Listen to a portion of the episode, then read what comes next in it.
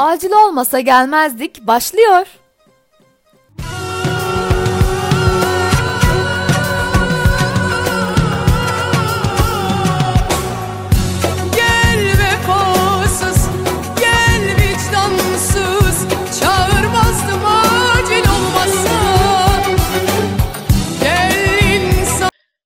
Evet, değerli dinleyenler, eee, hepiniz öncelikle hoş geldiniz. Bugün eee, acil olmasa gelmezdik programımızın birinci bölümüne başlamış bulunmaktayız. Aslında bu birinci bölümün de de heyecanı var. Eee, birinci bölüm çünkü neden? Özeldir, bir başlangıçtır, ilk adımdır. Bugün de eee, bu anlamda değerli bir konumuz var. Sevgili Habib Gostak bugün konuğumuz. Habib hoş geldin. E, hoş bulduk Osman. Nasılsın? Teşekkür ederim, iyiyim. Sen nasılsın? Teşekkürler. Ben de iyiyim. Herkese hayırlı Ramazanlar diliyorum.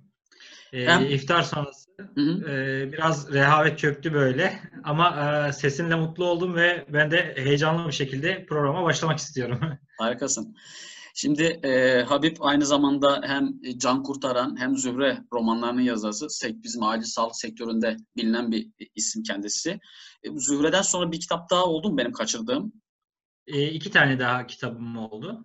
O hangileri kesin biliyorumdur da şu an aklımda değil. E, şöyle aslında bunları biz baskıya vermedik. E, biri Yaşam Desteği diye bir kitaptı. E, ATT ve paramedik mesleğinin e, yararlanması için ders kitabı niteliğinde bir kitaptı. E, şöyle bir dezavantajımız oldu bizim bu kitapta. E, ilk e, kitabı hazırladık. E, şimdi şöyle e, konuyu baştan alayım. E, şöyle ki e, bizim bu ATT ve paramedik mesleğinde kullanılan kitapların çoğu yabancı kaynaklardan çeviri Evet. e, orijinal bir eser olsun diye bir e, Ankara'da bir hoca vardı, sağlık meslek lisesi öğretmeni. E, yıllarını bu alanda harcamış. Özellikle ATT bölümünün kurulduğu andan itibaren ATT bölümünde ders vermiş bir hocamız vardı. Bununla birlikte oturduk konuştuk ne yapalım diye orijinal bir şey çıkartalım dedik. E, ve e, resimler dahil hepsini e, yani Türkiye kaynaklı bir şey olsun istedik. E, ve Yaşam Desteği diye bir kitap yazmaya başladık. Hı hı. E, daha doğrusu ben yazıyordum, o kontrol ediyordu sadece. E, yani meslek iki kita- e, meslek dersi kitabına uygun olsun diye. Fakat o sene bizim bir dezavantajımız oldu. ATT bölümleri kapatıldı. Hı. Her şeyi hazırladık. Kitap baskıya girecek, ATT bölümleri kapatıldı. Dolayısıyla e, sağlık meslek liselerinde ders kitabı olarak hazırladığımız bir kitap e, rafa kaldırmak zorunda kaldık. E, sonra bu kitabı ben tekrar güncelleyerek e, e, ATT ve paramedik meslektaşlarımız yararlansınlar diye e, e-kitap olarak yayınladım. E, e-kitap olarak yayınladı. E, içindeki resimler tamamen bize ait e, ve şeyler de yine vaka anlatımları olsun, yorumlamalar olsun tamamı bana ait olan bir kitap. E, 8 bölümden oluşuyordu. Hı hı. E, zannediyorum 250 sayfa falandı. E, güzel bir kitap. E, Google kitaplardan e, ulaşılabilir veya benim web sayfamdan bakabilir arkadaşlar bakmak isterlerse. Tamam ben sana Sonrasında- hatırlıyorum dijital. Hı hı. Hı hı. Sonrasında bir kitabım daha var. O da Dünyada ve Ülkemizde Acil Tıp Sistemleri diye bir kitap. Bu da yine kaynak olarak kullanılması amacıyla yayınlamış olduğum bir kitaptı. Bu da e, yine baskıya vermeden. Çünkü baskıya verdiğin zaman şöyle bir şey oluyor. Benim 2011 yılında çıkmıştı mesela ilk kitabım. E, yayın evi yazarı öldürüyor. Aynen öyle. Söz- çok ağır sözleşmeleri var değil mi? Aynen öyle. E, yani emeğinin karşılığını vermiyor sana. E, ha ikinci, üçüncü baskıdan sonra belki biraz daha e, şey katkısı oluyor ama e, ilk zamanlar e, yayın evi tamamen seni öldürüyor. Sanki yayın evi e, yapmış bu çalışmayı. Sanki e, yayın evinin bir eseriymiş gibi ortaya çıkıyor. Dolayısıyla e, Google Kitaplar e, bir avantaj sağlıyor bu konuda yazara. %68'lik bir yayıncı katılım payı veriyor. Dolayısıyla sonraki iki kitabımı hatta Can Kurtaran kitabım bile şu anda e-kitap olarak da yayınlandı aynı zamanda. E-kitap daha mantıklı. Hem herkesin elinde cep telefonu var. Direkt indirip okuyabiliyor. E, bu iki kitabı, bu e, kaynak olarak e, yayınlamış olduğumuz iki kitabı da e, şey çok cüzi bir miktardan veriyoruz. E, kaç liraydı? 5.90 mıydı? Öyle bir şeydi galiba. E, herkes yararlansın diye. Bunlara hangi adresten ulaşabilirler? Tam söyle, söylersin adresi. Benim web sayfamı incelerlerse oradan direkt linkleri var. Yani www Habib, habibgostak.com Evet, Teşekkürler. Onu da belirtelim abi. Re- Ee, Evet, oradan- Ürün yerleştirme oldu biraz ama. Evet, evet, programımızda e, ne, neydi o? Ürün yerleştirme vardır. Açık Evet, açık yerleştirme. bir de açık açık vardır ürün yerleştirme. Şimdi e, bu programda ilk program yapıyoruz seninle. Bu programın amacı acil sağlık çalışanlarını hastanede, hastane öncesinde ya da geçmiş yıllarda acil tecrübesi olan insanlarla e, bu şekilde podcast yayınları yapıp onların anılarını e, konuşmak ve bir nevi de böyle bir arşivleme yapacağız. Belki 5 sene sonra bunu bir daha dinlediğim zaman hoşumuza gidecek. Bir- Böyle. Çünkü ben kendime bazen kızıyorum. Çünkü birçok anı e, iş işimiz icabı birçok olaya maruz kalıyoruz ama bunları yazmadığımız için çok çabuk unutuyoruz. Hatta bunu programdan önce sene de konuşmuştuk anılarla ilgili. Ben de senin gibiyim. Gelmiyor aklıma çünkü Evet. bunlar hatıralar. Ama e, böyle bakalım hatırladığımız kadarıyla konuşacağız. Şimdi e, öncelikle şöyle başlayalım. Habib Kostak kimdir? Habib Kostak bu e, ne zaman gönül verdi bu acil sağlık mesleğine? E, kaç yıldan beri sektörün içindesin? Bir oradan bir başlayalım Habib. Tabii. e, öncelikle böyle bir program yaptığınız için size teşekkür ederim. E, güzel olmuş, iyi düşünmüşsünüz. E, keşke ben de böyle bir şey yapabilsem ama maalesef fırsatım yok. E, iyi ki yapmışsın Osman, teşekkürler. E, şimdi şöyle oldu benim meslek seçimim. E, sağlık meslek lisesine başlamıştım ilk başta. E, aslında o dönemler, hatta şu pandemi döneminde biraz daha e, o dönemi sorgulamaya başladım ben. E, bizim dönemimizde e, şeydi, e, liselere geçiş sınavları vardı. Sınavlara girmeyen veya sınavı kazanamayan düz liseye giderdi. Evet, biz de Ee, sınava girmiştik. Aynen sınava girenler de ya Sağlık Meslek Lisesi ya Fen Lisesi ya Anadolu Öğretmen Lisesi'ne gider. E, ben de o dönem e, iki sınava da girmiştim. Sınavlar farklı farklı yapılıyordu. Tek bir sınav yapılmıyordu. Hem Sağlık Meslek Lisesi'ni kazanmıştım hem de Anadolu Öğretmen Lisesi'ni kazanmıştım. E, annemin mantığına göre e, benim sağlıkçı olmam gerekiyordu. Çünkü e, o dönem PKK olayları yoğun bir şekilde yaşanıyordu. E, ve e, öğretmenler işte görev yeri doğuya gidiyordu birçok öğretmen ve öğretmenlerin öldürüldüğü haberlerini üzülerek duyuyorduk, e, görüyorduk televizyonlarda. Dolayısıyla e, şey e, hani terörist e, hastaneye saldırmaz ama öğretmeni öldürür mantığı. Ya- Yani biraz da onu etkiledi. E, sen sağlıkçı ol işte en kötü ihtimal hastanede olursun şeklinde ve sağlık meslek lisesi tercihim biraz böyle oldu. E, şimdi şunu düşünüyorum pandemi döneminde e, acaba annem diyorum şimdi diyor ki e, oğlum bayrama gelecek misin diyor. Geçen konuştuk. Dedim ki öğretmen olsaydım dedim bayramdan önce bile gelirdim ama yani pandemide şimdi kimse çalışmıyor sadece sağlıkçılar çalışıyor. E, hani diğer hizmet sektöründe e, lojistik desteği sağlayanlar hariç tabii ki güvenliği sağlayanlar hariç. E, mesela öğretmen açısından değerlendirirsen öğretmen olsaydım belki şu anda annemin yanında olacaktım. Çocuklarımı da alıp gidip sağlıkçı olduğumuz için sahadayız, görevdeyiz. Sağlık Meslek Lisesi'ni okuyunca o dönem yine e, 28 Şubat'ın dayatmasıyla e, meslek liselerinin önünde bir engel koyuldu. Özellikle İmam Hatip liselerinin üniversitelere geçişini engellemek için yapıldı ama e, bu bizi de etkiledi ve meslek liseleri e, üniversiteye kendi alanı ile ilgili bir bölüm haricinde geçemez dediler. Geçerse, geçmek isterse işte bir puanlama sistemi vardı. Saçma bir puanlama sistemi vardı. Yani e, fen lisesinde okuyan bir çocukla sağlık meslek lisesinde okuyan bir çocuk ki Aynı puan e, takdirde. e, e, aynen öyle. Artı sağlık meslek lisesinde fen lisesinde görülen eğitimin hiçbirini görmüyordu. Sağlık dersleri gördüğü için e, matematik, fizik, kimya vesaire bu tip dersleri birinci sınıftan sonra görmüyorduk bizim dönemimizde. Şu andakiler görüyor. Yani sonraki mezun olanlar gördü. Müfredata yerleşti ama bizim zamanımızda birinci sınıftan sonra yoktu bu dersler. Dolayısıyla e, üniversite seçiminde e, eşit eğitim almadığımız halde bir sınava sokuluyorduk ve bu sınavdan e, yüksek puan alsan bile puanın düşüyordu tercih yaparken. Dolayısıyla ondan sonra da paramedik bölümüne geçiş yaptım. E, sonra paramedik mesleğine başlayınca bu bölümü sevmeye başladım. E, iyi ki de bu bölümü tercih etmişim. Çünkü insanların hayatına dokunmak, insanlara yardımcı olmak e, hem e, manevi olarak insanı mutlu ediyor hem de e, çevremize baktığımız zaman maddi olarak da gerçekten sağlık sektöründe çalışanlar e, evet biz beğenmiyoruz ama beğenmesek de e, yine de e, örneğin bir ön lisans mezunu olarak veya bir lise mezunu olarak aldığımız paralar gerçekten e, kamu hizmetinde olanlar için iyi bir miktar bence. Hem maddi olarak hem manevi olarak tatmin eden bir meslek benim bu meslek. O yüzden e, paramedik oldum. Daha sonra da işte e, 2000 kaç yılıydı? 2005 yılında Konya'da işe başlamıştım. Sonra devam ettik. İşte İstanbul'a geldik. İstanbul'dan birkaç il değişimi daha yaptık. Onunla sohbetlerimiz arasında devam ederiz. Şimdi birden e, insanların kafasını karıştırmayalım. Çünkü ben iki yılda bir yer değiştirdim. Hı hı. 19 yıl falan mı oldu o zaman meslekte?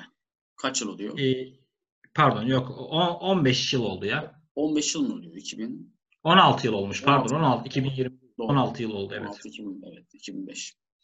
Aynen Evet. 16 yıldır 16 yıldır meslektesin. Peki o zaman şöyle başlayalım. Zaten e, programda bunun üzerine. Bu 15 yıl içerisinde meslek hayatında seni en duygulandıran olay nedir?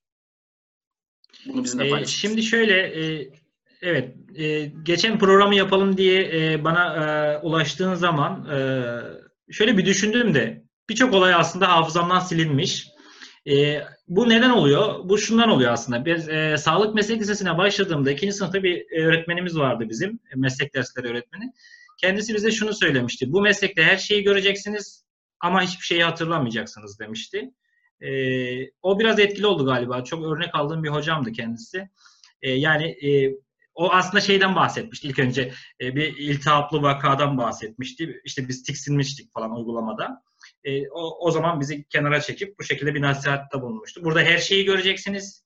Hani iltihaplı bir vakayı, kan, irin, pislik neyse işte her şeyi göreceksiniz ama eve gittiğiniz zaman hiçbir şeyi hatırlamayacaksınız demişti. E, ben de o günden sonra galiba biraz o hocamın e, sözleri etkili oldu bende. Birçok vakayı unutuyorum. E, daha doğrusu e, hani bunu iş olarak yaptığım için ve işimle ilgili şeyleri de e, hayatımı etkilemesini istemiyorum. Çünkü hayatımızı etkilemesine e, şey yaparsak, engel olmazsak e, yaşayamayız. E, öyle kötü şeylerle, öyle e, farklı olaylarla karşılaşıyoruz ki e, bu vakalarla e, vakaları hayatımızda, aklımızda kalmasını ve hayatımızı etkilemesine mani olamazsak e, bir süre sonra bu işi yapamayız. Ben de biraz e, çabuk unutuyorum açıkçası e, vakaları. Ama şöyle bir düşündüğüm zaman beni en çok duygulandıran olaylardan birisi bir kız çocuğuydu. E, 6-7 yaşlarında. Evet. Burun kanaması vakası. E, burnu kanıyor kızın ve kanaması durdurulamadığı için hastaneler arası sevki yapılacaktı. Yani bir ilden alınıp başka bir ile götürülecekti. Üniversite hastanesine götürülecekti. O vakayı ben Karaman'da yaşamıştım. Onu söyleyebilirim. Yani Karaman küçük bir ildi. E, ve bu ilin e, imkanları e, bu hastanın tedavisi için yeterli olmadığını söylediler. Şimdi nakil vakası için biz neyse çıkış yaptık ama hastaya gittik gördük. Basit bir burun kanaması. Tamam. E, burnuna tampon yapılmış. Konya'da bir hastaneye gidecek. Üniversite hastanesine gidecek. E, rahat da bir vaka, güzel. E, neyse ben e, yanımdaki arkadaşa sen ne geç dedim. Annesini de arkaya almak istemedik ilk başta. Çocuk da çok şey yapmadı, hani tedirgin olmadı. E, annesi telefonunu verdi ona. E, telefonla oyalan dedi. Yani çocuğun tıbbi olarak yapılacak, yolda yapılacak bir şey yok. Ben de yanına oturdum, sohbet ederiz hem diye. E, hem de e, ister istemez hastanın yanında bir kişi kalsın düşüncesiyle. Uzun yol olduğu için de diğer arkadaşımı öne oturttum. Sonra konuşurken çocuk neye bakıyorsun falan dedim. Resimlere bakıyordu e, telefonda e, oyuncaklarını falan gösterdi bana. E, sonra e, şey dedi bana hani evcilik oynuyor musun falan diye sordum ben konuştuk konuştuk. 6 pardon 7 değildi 6 yaşında veya 5,5 yaşındaydı çocuk. E, dedi ki bunlar dedi ben oynuyorum dedi bunlar anne baba dedi ama dedi bunlar akraba değil falan dedi. Hmm. Sonra e, neyse vakayı teslim ettik. Ya bu vaka neymiş falan diye merak etmeye başladım. Ben Glanzmann trombositopeni diye bir hastalık. İlk defa duydum. çok na- evet e, ben de o zaman ilk defa duymuştum ve hastalığı araştırmaya başladım. E, hastalık e, çok nadir görülen bir vaka. E, birkaç tane e, akademik çalışma var bununla ilgili. E, vakanın şey şöyle vaka e, bir kanama oluşuyor kişide ve kanama durdurulamıyor. Hani normal şartlarda bir yerimiz kanadığı zaman trombosit tıkacı devreye girer ve tıkanı e, orayı tıkar veya tıkayamazsa dışarıdan baskıyla vesaireyle e, kanama durdurma yöntemleriyle o kanama durdurulur. Fakat bu kızın kanaması durdurulamıyor. Yani basit bir burun kanaması olsa bile 3 gün 4 gün sürüyormuş. E, ve sürekli kan takviyesi yapılması gerekiyor. Çünkü kanama var, kan gidiyor. E, o yüzden üniversite hastanesine götürüldü. Orada trombositle ilgili tedaviler uygulanacaktı. Trombosit tedavisi uygulanacaktı. Velhasılı bu hastalık meğer e, yani nedeni bilinmiyor ama yapılan çalışmalarda akraba evliliğinden ötürü Hmm. e, olduğunu Ve e, yani en göze batan şeyi e, nedeni bu. Akraba evliliği. Başka bir şekilde açıklanamıyor çünkü. O çocuğun o telefondaki oyuncaklarını gösterirken bir e, kız oyuncak, bir erkek oyuncak bunların akraba değil, bunlar akraba değil, bunlar anne baba ama bunlar akraba değil demesi o çocuğun oyununu etkilemiş bu Hmm. hastalığı. Psikolojik Ve e, aynen bu olaydan ben çok etkilendim ve bununla ilgili bir film çekmeye karar vermiştim. Ve onlar akraba değil diye bir kısa film çektim. E, kan hastalıklarına dikkat çekmek için ve özellikle e, şey bu hastalıklı doğumların önlenmesine e, için bir e, farkındalık oluşturmak için bir film çektim. Karaman'daki arkadaşlara bahsettim. Hastane çalışanlarını topladım. E, başhekimden de rica ettim. Hastane servisinin birini kapattık ve orada bir film çektik. E, sonra onu internette yayınladık. Güzel. E, sonra bana dönüşü şu oldu. E, 15-16 yaşlarında bir kız çocuğu mail atmış bana. Ankara'dan bir kız çocuğu. Dedi ki abi dedi ben senin filmini izledim dedi. Sana ulaşmak istedim dedi. Ben dedi Glanzman hastasıyım dedi. E, şöyle olmuş. e, akşam diyor yatmıştım uyumuştum. Gece su içmeye kalktım. Mutfağa girdiğimde annemle babamı e, laptop açık ve ağlarken gördüm. Neyse on, e, beni görünce onlar diyor hemen bilgisayarı kapattılar. Sonra neyse ben gittim yattım. Sabah dedi geçmişten dedi bunlar neye ağladı diye merak ettim dedi. Sonra baktım dedi geçmişte senin filmin vardı dedi. Onu izledim dedi. Bu çocuğun e, tanısı da yeni koyulmuş. E, Glanzman trombositopin diye. Hastalıkla ilgili dedi bir sürü araştırma yaptım. Bir şey bulamamıştım ama senin filmini izleyince dedi çok etkilendim falan dedi.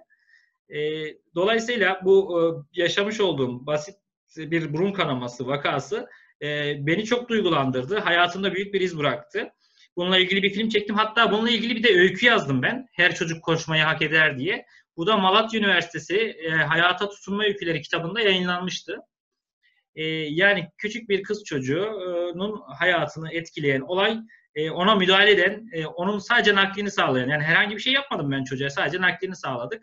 Ama benim de hayatımı etkiledi ve bu alanda hem kitap yaz, e, şey hem bir öykü yazdım, hem de bir film çektim. Daha sonra da bu filmi izleyip de bana ulaşan bir hasta oldu. Dolayısıyla bazı vakalar bu şekilde insan hayatını etkiliyor. Yani bu mesleği yapan insanları etkiliyor. Zaten seninle aramızdaki fark sen oradaki o ufak detayları yakalayabilip kurgulamışsın ya da e, onu aktarabilmek çok önemli bir meziyet. E, o yüzden sen zaten Habib Kostak'sın. O yüzden kitap yazdın.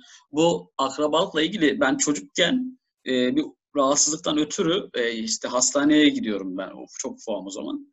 Babamlar götürüyorlar hastaneye. Neyse her gittikleri doktor bu arada benim e, babam Hataylı, annem Isparta, Is- Eskişehirli.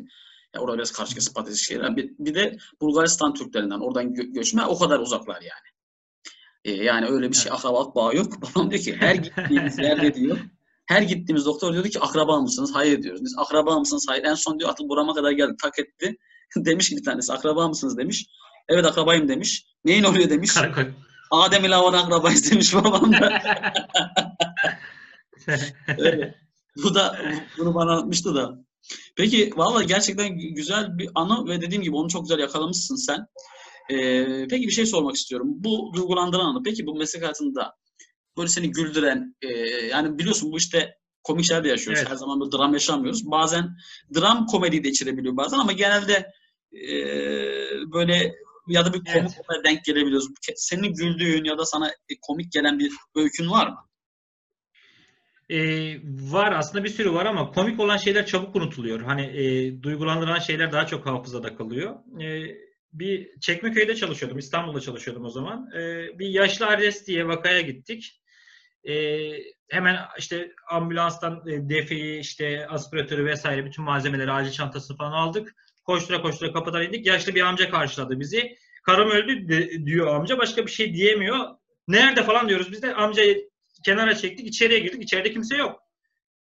Ee, ondan sonra geri döndük. Amca hasta nerede? "Aa, Hasta benim diyor. Ee, Şimdi e, amcanın meğer karım öldü. Şimdi komutaya vakayı verirken aslında karısı ölmüş, kendisi hastaymış. Hast, hani hani kimsem yok demek için bunu söylüyor. Karısı yıllar önce ölmüş aslında. Arası yıllar önce hani ölmüş. kimsem yok, hastayım, ha- hastaneye götürecek kimse yok. Onu ifade etmek için aramış ama e, vakayı yakalayan e, çağrıdaki arkadaş karım öldü deyince adresi giriyor. Adresi. Adres alıyor hemen. E, bize veriyor. Biz adres diye gidiyoruz. amcayı hiç dinlemeden hemen kenara çekil. Hani adres nerede? Adres nerede? Meğer amca hani ben yalnızım oğlum hastayım. Aslında sizi rahatsız etmek istemezdim ama Ama karım yok, karım öldü. ha karım da yok, kimsem yok, çocuklar yanımda değil. Beni hastaneye götürür müsünüz diye aramış aslında. Bu yanlış Bu anlaşılmalar hani- çok oluyor ya. E, evet o yüzden insan gerçekten hani şeyi çok iyi dinlemek lazım. Hem komutadaki arkadaşlar. Ben iki yıldır da komutada çalışıyorum şu anda.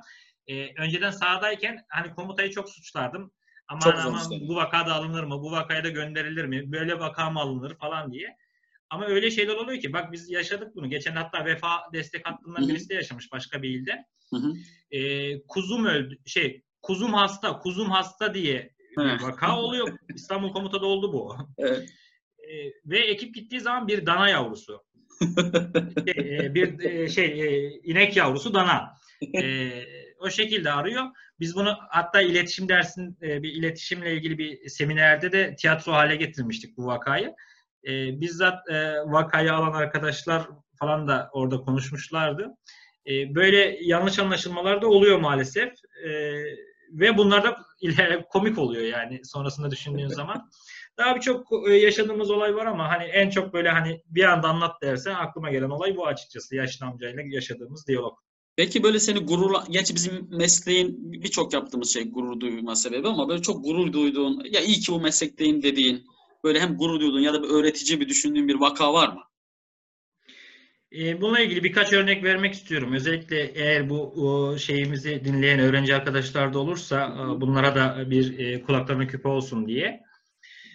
İlk görev yerim benim e, Konya'ydı. E, Konya 112'de çalışmıştım. 6 ay kadar çalıştım. Sonra istifa etmiştim. Konya 112'de B tipi istasyondaydım ve hastane içindeydik. E, yani normalde hastanede çalışıyorsun. Vaka olduğu zaman da e, vakaya gidiyordum. Şimdi artık o tip istasyonlar kalmadı ama e, hastane acil servisindeyiz. E, bir e, 50'li yaşlarda bir amca geldi e, ve karın ağrısı var hastada.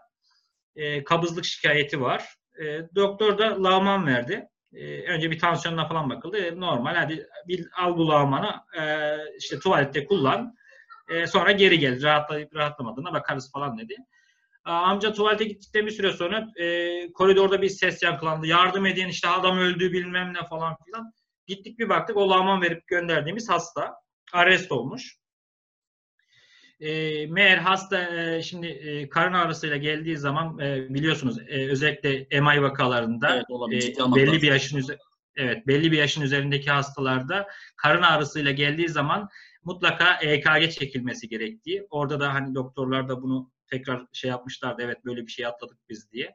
Karın ağrısıyla gelen e, veya karın ağrısı olan özellikle 40 yaş üstü her hastaya mutlaka EKG çekmeleri gerekiyor.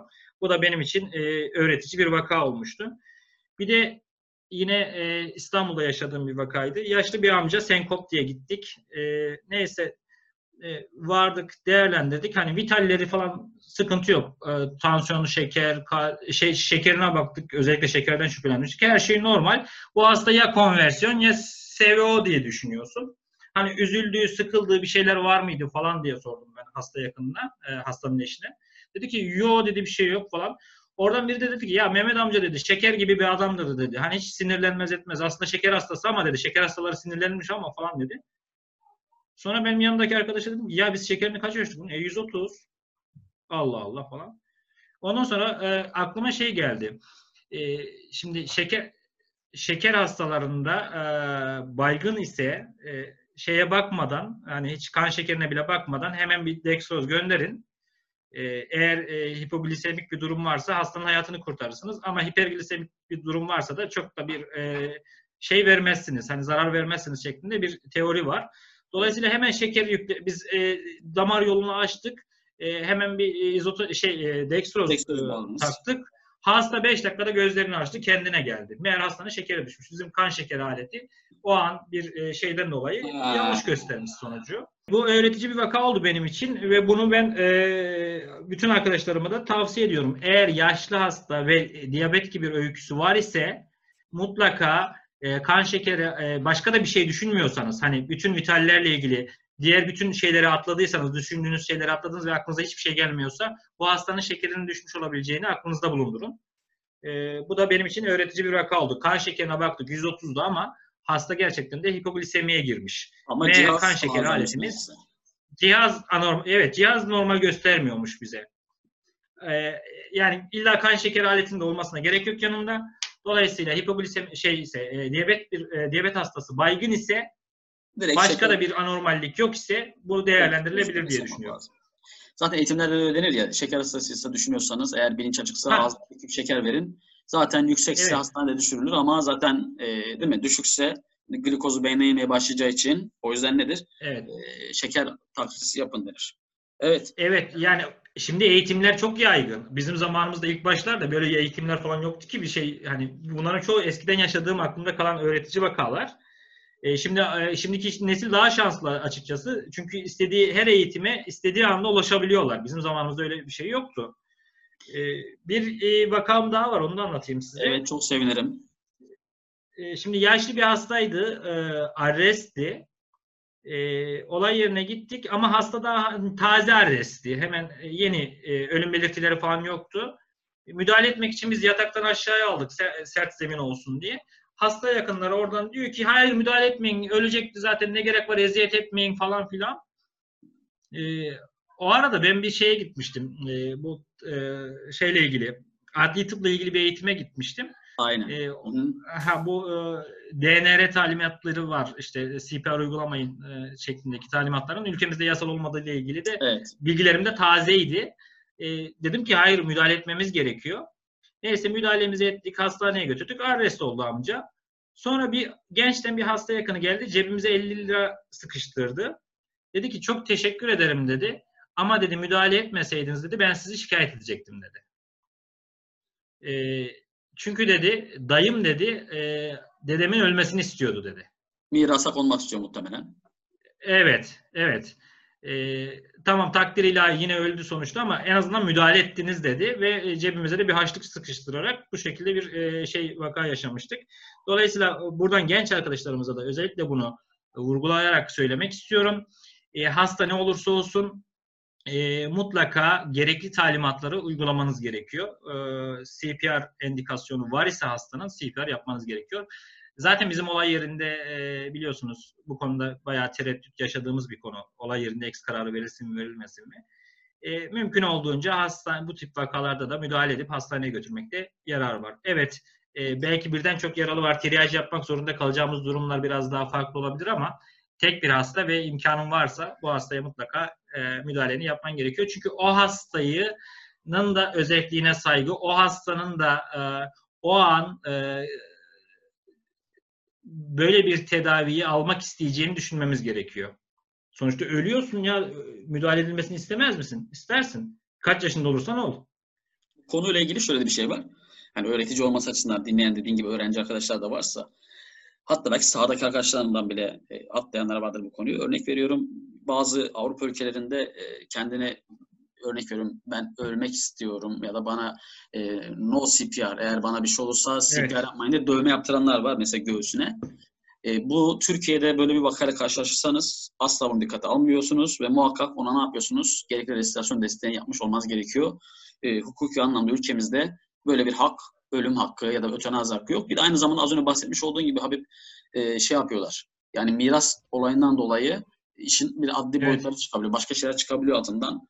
Eğer ki katil ölüm bulguları yoksa ne yapıyoruz? Muhakkak ki yerine müdahale yap, e, yani restorasyon müdahalesine başladıktan sonra bakanlığın son yayınlamış olduğu zaten mevzuat gereği hastaneye sevkini sağlamamız gerekiyor. Habib var mı eklemek istediğin bir şey? E, bir de komutada dinleyerek şey yaptığım bir olayı anlatayım size. Şimdi İstanbul 112 bay- e, komutası özellikle bayağı büyük bir e, Yoğun komuta değil mi? Çok yoğun. E, ve yoğun çalışan bir yer. E, Kaç çağrı geliyor? Bunu söylemende sakınca var mı acaba? Bilmiyorum ama. E, yani e, yo bu sonuçta bir istatistik bilgidir. E, çok bir sakınca yok. Ortalama 2000 2000'in üzerinde e, vaka alıyoruz. Yani vak Peki- görevlendirme görevlendirilen vaka. Orada şey var mı İstanbul tam hakim değilim o da e, tek çağrı merkezi mi? Yo iki çağrı merkezi var. Bu bahsettiğim Ama sadece Avrupa Avrupa- yakası için. Var ama şeyi söylemek istiyorum. Hani ilk e, çağrı karşılayıcı mı karşı yoksa direkt 112 bize mi düşüyor? Ha, e, şöyle e, İstanbul'da ortak çağrı merkezine henüz geçilmedi. Geçilmedi değil mi? O zaman 2000 çağrı İstanbul'a göre çok da değilmiş. Çağrı değil. Çağrı değil bu. 2000 görevlendirme. Görevlendirme. Çağrı çünkü Günlük. çok daha fazladır. He, çağrı daha fazla tabii ki. Çağrıyı bilmiyorum yani.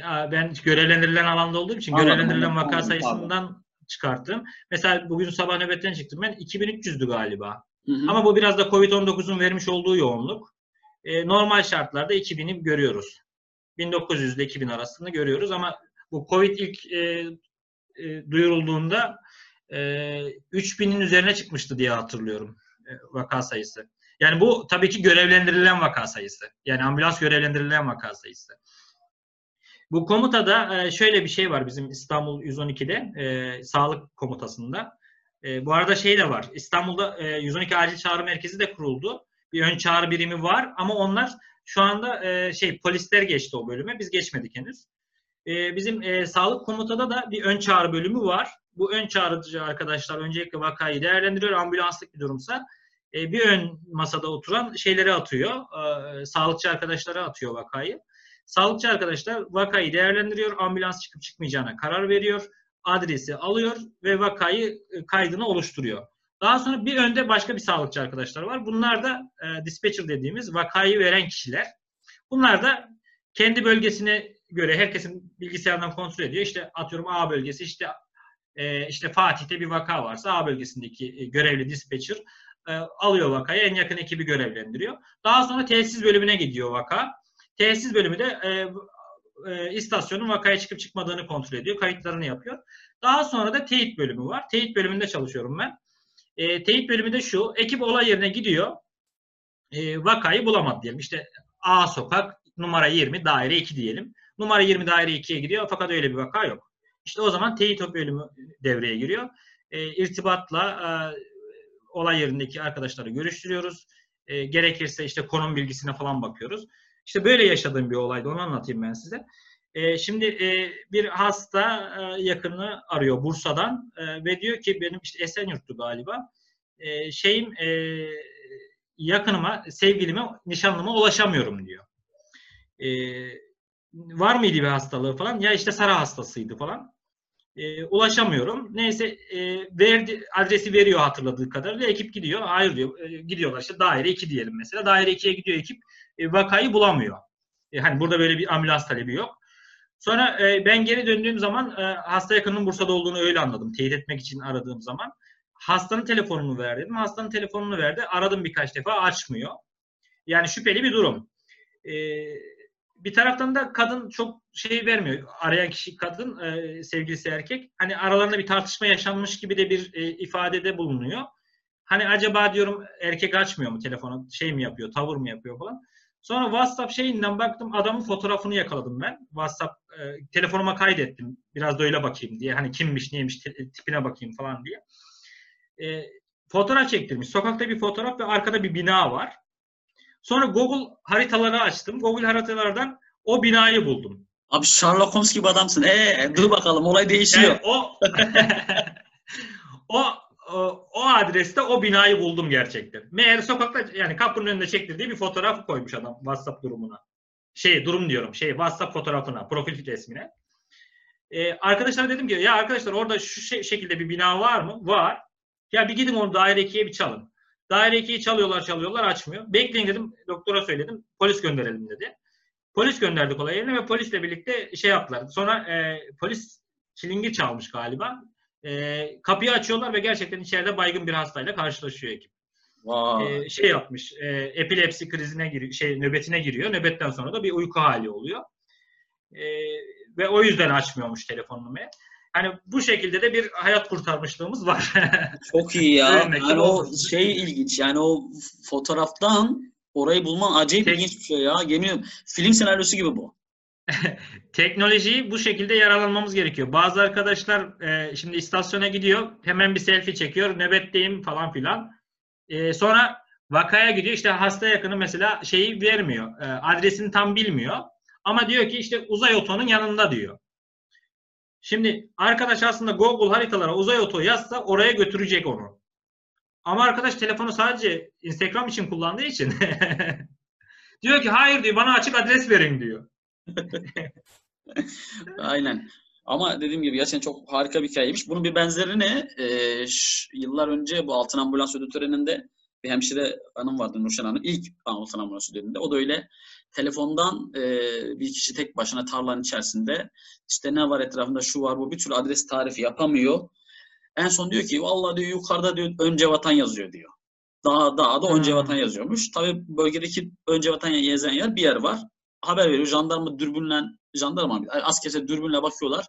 Tarlanın içerisinde bir kişiyi buluyorlar. Ekip oraya sevk ediyorlar. O şekilde hayat kurtarıyor.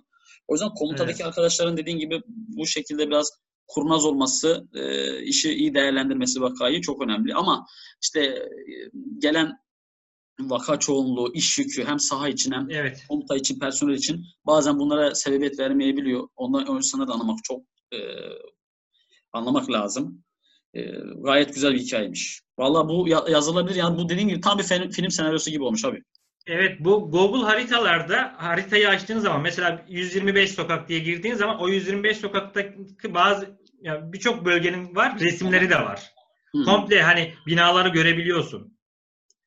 Ee, Evet. bunu da yani arkadaşlarımız mutlaka kullansınlar. Çünkü e, şeyi 3 boyutlu olarak görebiliyorsun. Sağını, solunu, her tarafını görebiliyorsun. Google Maps'te galiba. Google haritaları açınca çıkıyor zaten. Hani adresi yazınca e, görsellerden bulabiliyorsun onu. Şimdi ben e, radyo, televizyon, sinema okuyorum ya bir yandan. Bizim belki bitirme Evet. ödevimiz bir kısa film olacak. Bu kısa filmde bu hikayeni değerlendirebilirim belki. Sen ya telif hakkını alırım senden. yani şu anda program senin programın zaten. Şu anda e, ilk defa burada dile getirdiğimiz için e, kullanabilirsin. Sıkıntı yok. Evet. Abi çok teşekkür ediyorum. Acil olmasa gelmezdik programının, acil sağlık çalışanlarıyla, hizmet çalışanlarıyla konuştuğumuz bu programın ilk yayınına konuk oldun. Ee, beni kırmayıp geldiğin için çok teşekkür ediyorum. Ee, bakalım bundan sonra birçok konumuz olmaz, olmasını planlıyorum. Nasip olacak mı? Ee, seninle başlamak güzeldi.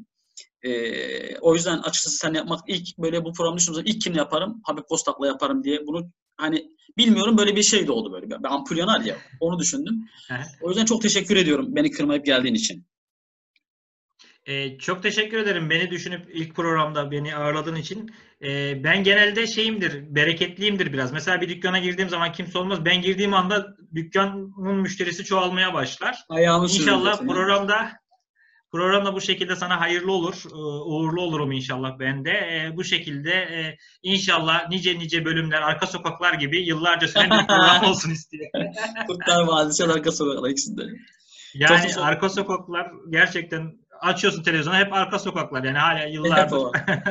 Bu da o zaman inşallah acil sağlık sektörünün arka sokakları olma, olmaya aday olsun inşallah. İnşallah. Hayırlı olsun programın. Çok teşekkür ederim beni konuk ettiğin için. Ben çok teşekkür ederim abi sağ olasın.